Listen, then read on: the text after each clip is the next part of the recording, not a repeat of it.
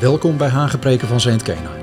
Een podcast voor kerkgangers, kerkverlaters en kerkelozen op zoek naar geestelijke inspiratie tijdens lockdowns, lockouts en andere beperkingen.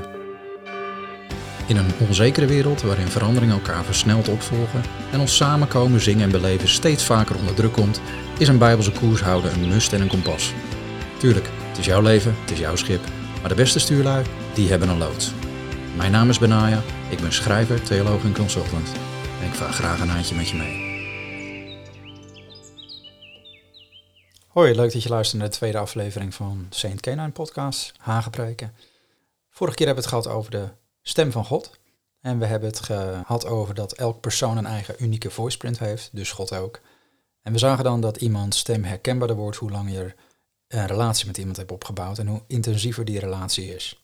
Dus met andere woorden, omdat je een geliefde vaak ziet of mee omgaat, of een familielid of collega's, herken je hun stem. We hebben ook gezien dat de frequentie waarmee je iemand hoort, bijvoorbeeld ook op de radio of een artiest of een filmster, hoe vaak je het geluid hoort, hoe herkenbaarder de stem. En dat emoties daar soms een sterke rol in spelen. Een stem kan gevoelens van gedachten of gedachten van liefde, bewondering, irritatie, angst en dat soort dingen oproepen. En dat wordt weer gekoppeld aan de herkenbaarheid. De brandende vraag natuurlijk voor deze week is, hoe klinkt Gods stem? Want elke stem klinkt voor de eerste keer voor het eerst in je leven voordat deze überhaupt herkenbaar kan worden. Nou, veel films zijn daarvan gemaakt, veel mensen hebben dat proberen te verbeelden. Een van de klassiekers is natuurlijk de Ten Commandments van Charles Heston, waarin zo'n donderende stem van de berg klonk, Mozes. En ja, dat was heel intimiderend. Nou was het ook heel intimiderend wat daar gebeurde, maar ehm, ja, je kunt je afvragen of Gods stem zo klinkt. Andere makers, uh, bijvoorbeeld van, uh, van een film als uh, The Prince of Egypt, hebben de insteek genomen dat de acteur die Mozes inspreekt, spreekt ook de stem van God in. In de gedachtegang dat Gods stem is heel dichtbij, dus die klinkt misschien het beste zoals je eigen stem ook klinkt. Nou, in beide schuilt een gevaar. De eerste is dat je misschien heel erg bang voor God wordt. En de tweede vertolking ja, leidt tot misschien familiariteit. Dat je niet meer kan onderscheiden wat je eigen stem is en wat die van God is in je binnenste. En als je het verschil niet weet, dan kan het ook flink fout gaan. Er zijn waarschijnlijk hele sectarische stromingen uit ontstaan. Nou, dan zeg je misschien, pff, complex hoor benaaien, ga je me nog helpen of laat je me hangen? Nou, misschien is het beter om eerst eens te kijken deze week naar hoe je jezelf makkelijker maakt om Gods stem te verstaan. Hoe positioneer je jezelf om zijn stemgeluid te ontvangen? Vorige keer keken we naar Exodus 33 en daar zagen we dat in vers 11 God tot Mozes sprak van aangezicht tot aangezicht, zoals een man spreekt met zijn vriend. En dat klinkt redelijk ontspannen. Maar hoe kom je daar? Hoe kom je face-to-face? Hoe kom je in Gods blikveld? We weten dat hij een beloner is voor wie hem ernstig zoeken, Hebreeën 11 vers 6, maar hoe doe je dit dan? Gelukkig zijn er ook kopstukken in de Bijbel die daar uh, ook de vraagtekens hadden, zoals bijvoorbeeld een, een David, hè, die zegt in Psalm 27, Hoor Heren, als mijn stem tot u roept, wees mij genadig, antwoord mij. Mijn hart zegt tegen u, wat u zelf ook zegt, zoek mijn aangezicht en ik zoek uw aangezicht, heren. Verberg uw aangezicht niet voor mij. Met andere woorden, de wanhoop klinkt bijna door in de woorden van David. Hij had een reputatie een man Gods hart te zijn, maar het is toch wel ja, een, een, een schreeuw van ik wil uw gezicht zien, ik wil contact. En het is goed om je te realiseren dat je dus daarin niet alleen bent en dat er ook verschillende manieren zijn waarop God spreekt. En sommige manieren, zei ik vorige keer al, zijn haast intuïtief en gebaseerd op een dagelijkse omgang met de Heere God en een bekendheid met zijn manier van denken, doen en reageren. En daar gaan we ongetwijfeld nog nauwgezetter naar kijken. Maar er zijn ook momenten dat je een duidelijk antwoord van God nodig hebt. En dat is misschien ook waar David zat op dat punt. Soms heb je dat je ergens mee zit of dat je een geruime tijd al ergens tegenaan loopt of een richting nodig hebt. En dan is het op zijn minst handig als je weet hoe je hem te pakken kan krijgen. Op een manier dat dit face-to-face onder ons je ook realiteit wordt. Nou, voordat ik je daar concrete handvatten over geef, even een voorbeeld uit mijn eigen leven. Ik heb jarenlang missiewerk gedaan en allerlei projecten gepioneerd in het buitenland, in, de meest bizarre landen. Ik heb gewoond en gewerkt in Nepal en veel gereisd en gewerkt in, in uh, India, ook naar Tibet geweest. Uh, ik heb gewoond in Mongolië, in de Filipijnen, in het Midden-Oosten. En ik was best wel een globetrotter en ging er helemaal in op. Ik vond het geweldig. Ik had een Samsonite meer, had ik ook niet nodig. En mijn basis was eigenlijk een beetje de oude filosofie van Keith Green, die oude zanger. Uh, Jesus commands us to go. It should be the exception if you stay. Met andere woorden, er is geen vers voor blijven, dus we gaan ervoor. Dat kon ook. Ik was vrijgezel, geen probleem. Maar op een gegeven moment was de kerk waarvanuit ik gezonden was vanuit Amerika, stort in elkaar. Het had te maken met een hoop facetten van top-down, autocratisch. Nou ja, daar ga ik nu de details niet over doen. Ehm, maar het feit was, ik stond in één keer met niks in handen. Gelukkig had ik een oud teamlid van mij vanuit uh, Cyprus, uh, een Ierse vrouw die had een zus in, uh, in Donegal. En die zei, ik weet precies wat je nodig hebt. Ik stuur je naar mijn zus en die zorgt voor je. Helemaal geen punt, die heeft een bed and breakfast, kost je niks. En zo regelde God eigenlijk dat ik daar eventjes tot stilte kon komen, tot, tot rust kon komen. Na zeven jaar buitenlandervaring. En daar zat ik dan, tussen de schapen en de watervalletjes. Veel wind, regen, zee. Dat was het eigenlijk. Ik reed met het autootje van mijn moeder uh, via Holyhead in Engeland uh, naar, naar Ierland toe. Twee keer oversteken. En daar was ik.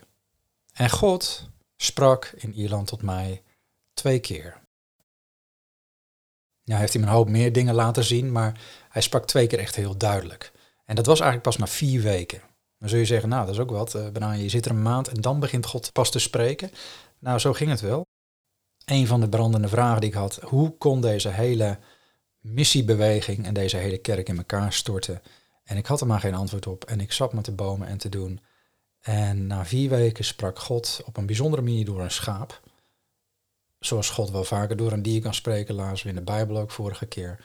En ik zag een schaap terwijl ik daar langs reed, die met zijn wol verstrikt zat in het prikkeldraad van een hek. Gewoon omdat het gras inderdaad groener is aan de andere kant. Tenminste, dat dacht hij. En dat schaap zat zo te rukken en te doen, het kwam niet meer los. Dus dan denk je toch van, arm beest, laat ik hem gaan helpen. Maar op het moment dat ik uitstapte, me niet realiseren, het is een vluchtdier, begon dat beest nog meer te rukken. En ja, kwam bloed op zijn, op zijn, op zijn wol ook. En ik had nog meer met hem te doen. Ik kreeg hem gewoon ook niet los, want hij was, het beest was in paniek. Gelukkig had ik uh, een, een, zakmesje bij me, dus ik sandwichte dat grote beest tussen mijn knieën. En probeerde dus met het zakmesje die wol los te snijden.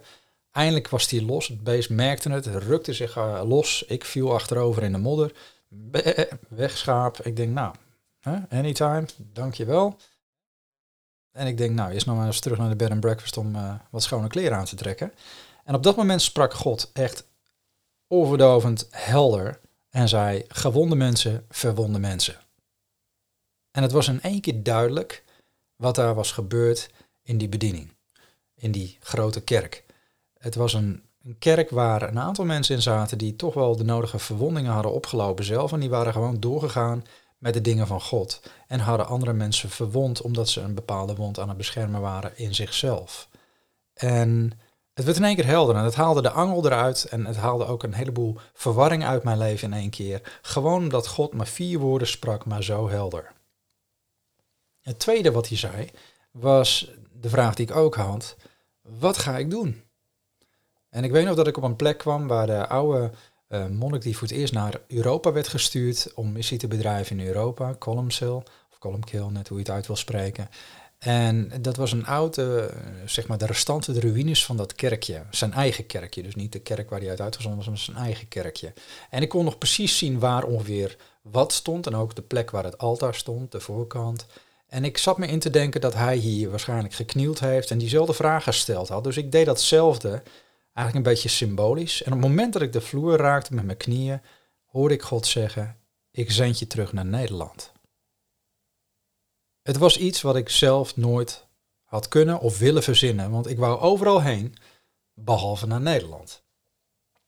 Misschien denk je dat is raar, want je bent toch Nederlander? Nou, ik was zo ontgroeid van het Nederlandse doen, denken en laten. En ik was zo ja, internationaal georiënteerd en had daar zo mijn draai in gevonden dat ik helemaal geen liefde of bewogenheid of verlangen meer had naar mijn eigen land. En misschien is dat wat de reden dat zei, oké, nou, dan, dan ga ik je nu terugsturen. Misschien moest ik weer iets leren of iets oppakken. Maar dat is wat God mij zei. Nou, waarom vertel ik dat verhaal nou? Eigenlijk een van de eerste dingen die ik je mee wil geven is dat God wil altijd zorgen dat hij ons in een plek brengt waar er geen ruis meer is zodat je afgezonderd bent voor hem, apart gezet. Dus ook het woord heilig is apart zetten. Vergelijk misschien met een radiozender van vroeger. Vroeger had je een radiozender met zo'n draaiknop. Tegenwoordig is alles digitaal, maar dat was vroeger zo'n draaiknop waar je goed moest afstemmen, anders hoorde je andere zenders ertussendoor. Dan hoor je nog flarden van andere zenders en dan moet je nog een beetje draaien en tweaken totdat je hem helemaal zuiver had en dan hoor je een helder geluid. En zo is het ook bij God. We lezen het ook van, van Samuel vorige keer, dat zowel Eli als Samuel lagen beide op hun slaapplaats. Dat is een plaats van rust. Niet per se slapende, hè? niet dat God niet kan spreken door dromen, maar dit was niet een droom. Maar in ieder geval een plek van rust. Een plek waarin je niks anders doet dan alleen rust ontvangen en in rust zijn.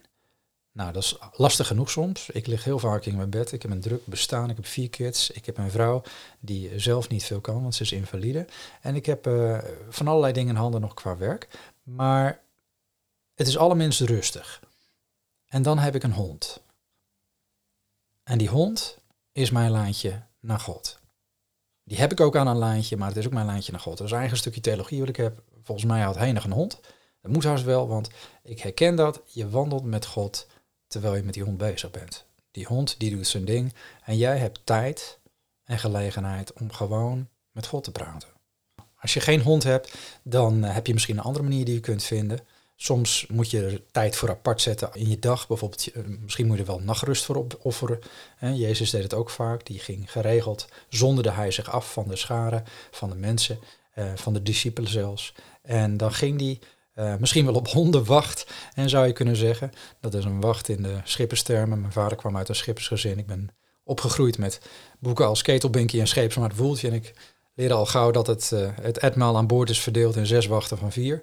Waarbij de hondenwacht op een varend schip de dienst is van middernacht tot vier uur. En dat is een hele lastige, lange wacht.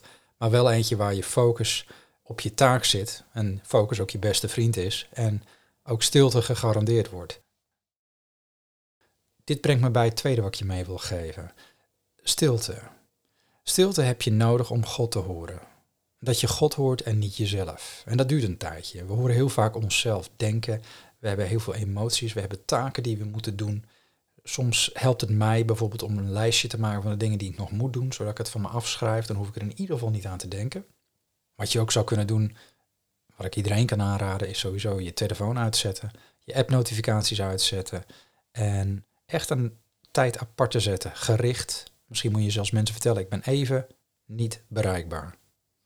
Misschien is dat wel de reden dat zoveel godsmannen in de Bijbel ook een tijd in de woestijn, in de wildernis doorbrachten. Want God wil dat nog steeds. Nou, wij gaan niet naar de woestijn toe, maar je moet soms je eigen woestijn creëren. Nou, Abraham wist dat ook, denk ik. Ik denk dat hij dat, dat meegespeeld heeft in de keuze ook van... hey, kies ik de mooie vruchtbare vlakte van Sodom en Gomorra... waar ik alles heb wat mijn hartje begeert, dus helemaal klaargemaakt... of kies ik de woestijn? En hij gaf aan zijn neef Lot het mooie deel van alles wat al klaar stond... terwijl hij de woestijn in ging. Maar het is wel in die woestijn waar God hem liet zien... Kijk eens naar het zand, zo zal je nageslacht zijn. Kijk eens naar de sterren, zo zal je nageslacht zijn. Want je hebt alleen maar zand, sterren en dat soort dingen in de woestijn waar je naar kan kijken. Je hebt verder geen afleiding. Bij Mozes was hetzelfde. Hij werd uit het drukke Egypte geleid en in de woestijn sprak God. Hij moest Israël ook uit Egypte leiden en hij moest de boodschap aan de farao brengen: laat mijn volk gaan om voor mij een feest te vieren in de woestijn. Exodus 5 lees je dat. En het bleef niet bij een feestje, want ze zouden het 40 jaar doorbrengen, want ze moesten een aantal dingen moesten ze leren en afleren in die woestijn. Johannes de Doper was ook een roepende in de woestijn. En Jezus zelf werd ook 40 dagen in de woestijn geleverd. Dus die woestijn die heeft een functie. Paulus ook, die werd uit zijn hele theologische achtergrond gehaald en ging de woestijn van Arabië in. Waarom? Ik denk puur omdat de woestijn leeg is. Er is stilte, er is leegte, het is zelfs saai. Ik weet het vanuit de tijd dat ik in Jordanië woonde. Je wordt geconfronteerd met jezelf.